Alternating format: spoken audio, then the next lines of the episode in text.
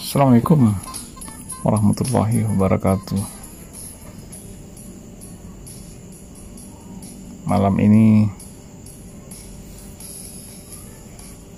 5 April Hari Minggu 2020 Beberapa keluarga di Bukit Tinggi. Mungkin baru saja selesai rati atau tahlilan mungkin. Pengajian dalam rangka melepas kepergian dari seorang orang tua kami almarhumah Tek Putih Naamin yang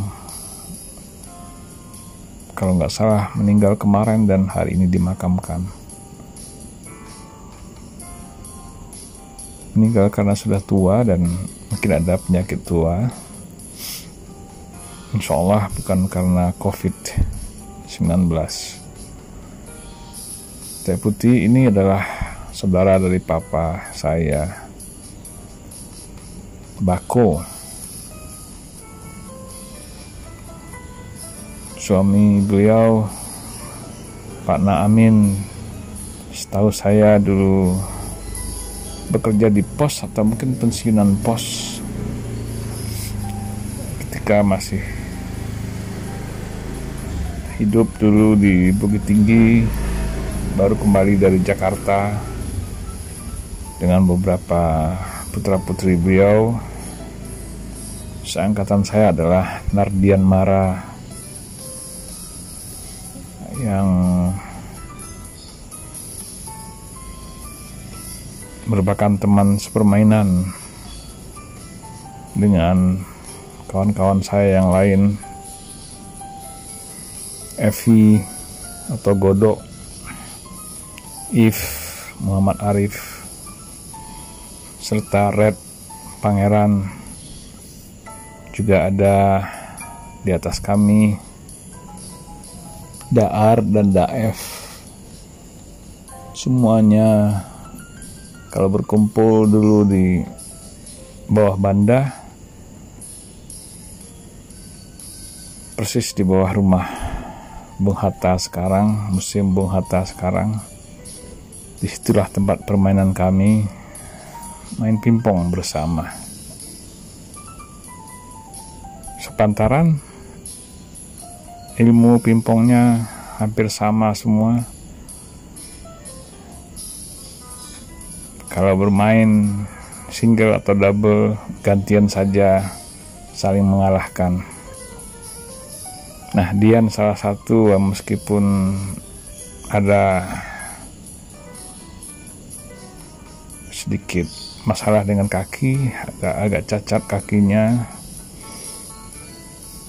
Tapi permainan pingpongnya sangat bagus. Nah teman-teman yang saya sebutkan tadi dan sanak yang saya sebutkan tadi Dian, Evi, Red, If sepantaran dan di atas kami Daar dan Daef semua sudah berpulang.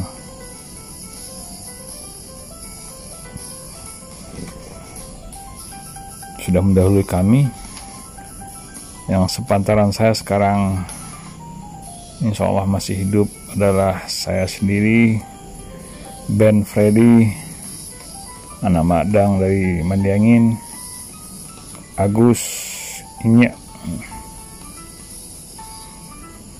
mungkin itu yang masih ada. Insya Allah semua sehat semua sehat-sehat. Dan kembali kepada Cek Putih tadi mudah-mudahan Cek Putih husnul khatimah dan anak-anak yang ditinggalkan tabah menerima dan mengikhlaskan kepergian mamanya saya lupa persisnya tapi ketika masih SMP itu Nardian dan saudara datang dari Jakarta. Nggak berapa lama bapaknya Pak Naamin juga meninggal.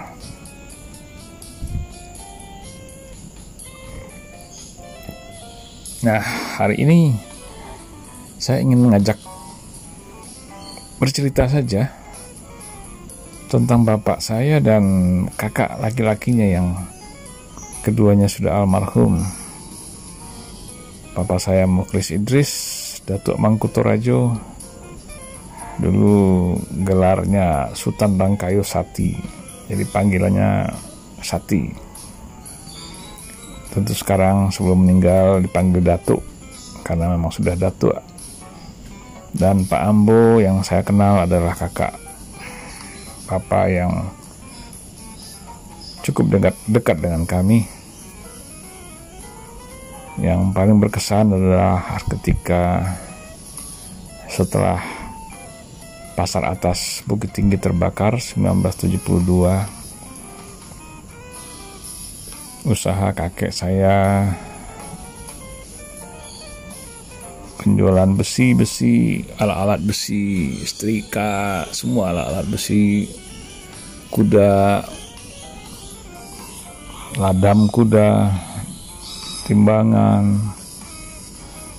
setrikaan yang pakai bara, serta seluruh cetakan kue-kue. Saya masih ingat semua apa saja dijual di toko yang cukup besar. Kalau sekarang mungkin saya ingat saya mungkin ada empat lapak barangkali, dua lapak gede lah. Nah di situlah kakek saya berjualan papa saya kalau nggak salah sempat membantu di situ tapi kemudian papa berusaha sendiri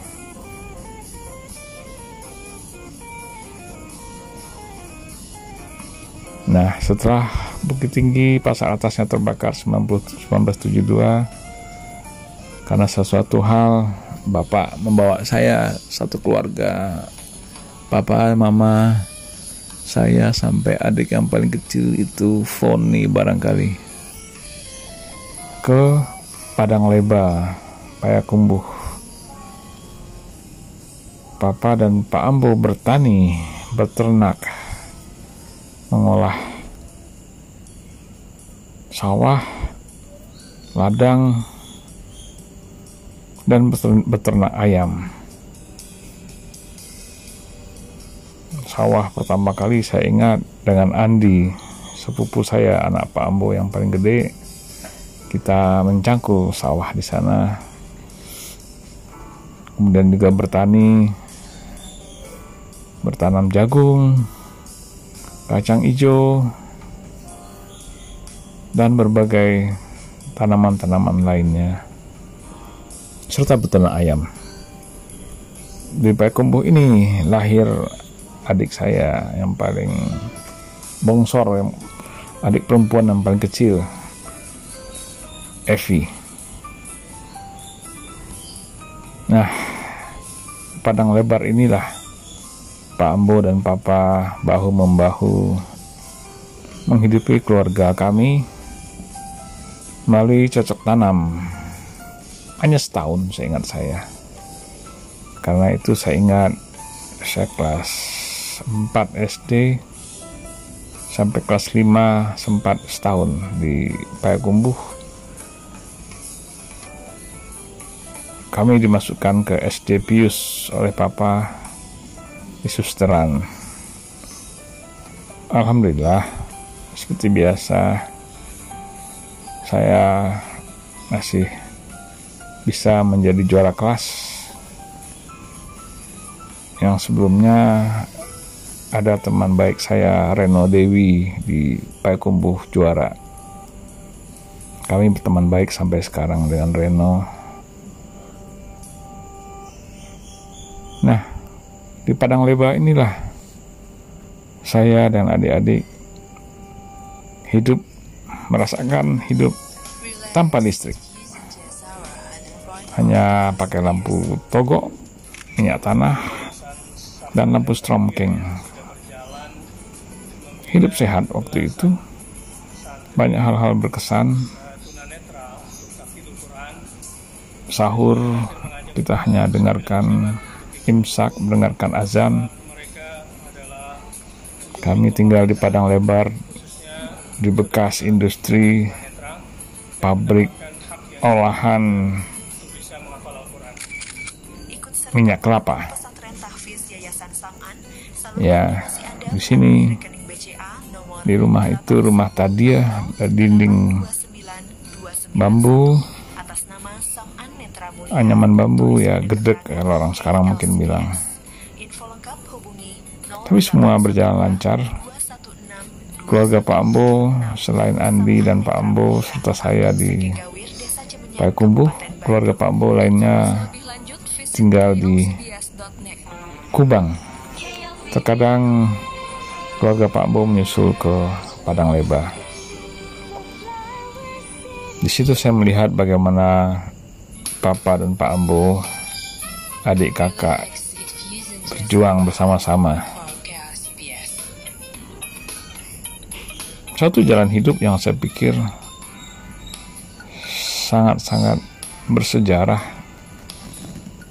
bukan hanya buat mereka berdua sebagai kakak adik, tapi buat kami juga saya sebagai anak laki pertama merasa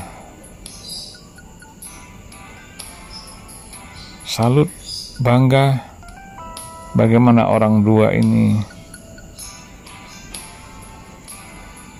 selalu ber iya sekata. Ada bertengkar tapi berbeda pendapat kurang lebih begitu. Tapi kalau mereka sudah minum teh talua semua sudah selesai urusan. Sarapan pagi mereka teh talua kemudian mereka berdua asik merokok. Ya zaman itu memang papa papa dan pak Bo merokok. Sampai akhirnya mereka juga masih tetap curi-curi merokok. Hmm, Pak Ambo sangat atletis. Dia dulu bekas pelari bekas pelatih bola Kaltek PS Kaltex tahun 60-an barangkali.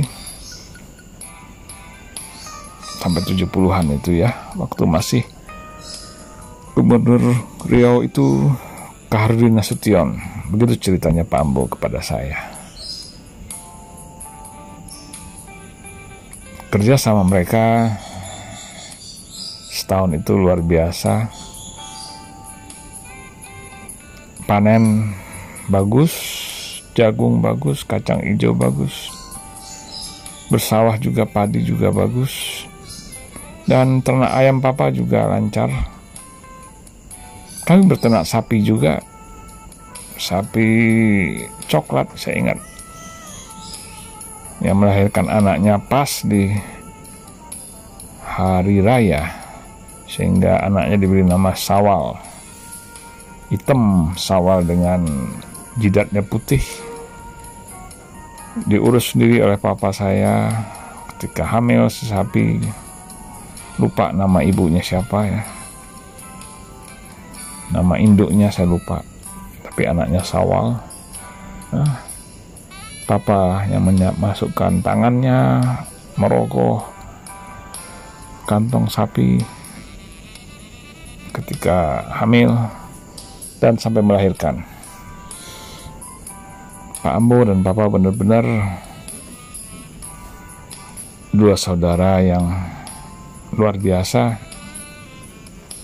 Kemudian hanya setahun kami di sana Belakangan saya tahu mengapa papa mengajak kami sekeluarga pindah ke Payakumbuh. Mungkin ada alasan karena waktu setelah pasar atas terbakar, kakek saya yang mungkin sakit batuk berat, ada indikasi TBC. Mungkin gara-gara itu Papa membawa kami sekeluarga dulu setahun ke Payakumbuh sehingga terjauh dari bahaya-bahaya penyakit menular. Sungguh satu pemikiran yang luar biasa. Dan kakak beradik ini benar-benar saling dukung. Sampai kemudian kami semua pindah kembali ke Bukit Tinggi. Kelas 5 saya ingat sekali. Saya masuk lagi kelas 5 di SD Franciscus kembali ke SD Franciscus. Sampai kelas 6 kami di 6A Alhamdulillah nilai saya tetap bagus. 6A guru kami Pak Simamora orang Batak Kristen. Ya di sekolah susteran ya. Tapi baik sekali. Pak Simamora jago sangat matematiknya. Alhamdulillah saya berhasil menjadi juara umum waktu itu kembali Alhamdulillah. Saya ingat dapat matematik 10 apalagi satu lagi 10 kemudian tiga nilai 9 waktu itu belum matematik masih berhitung.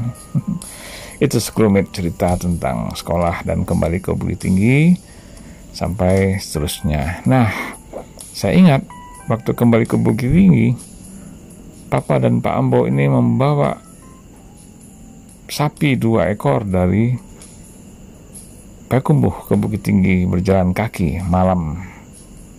Bisa dibayangkan perjuangan mereka.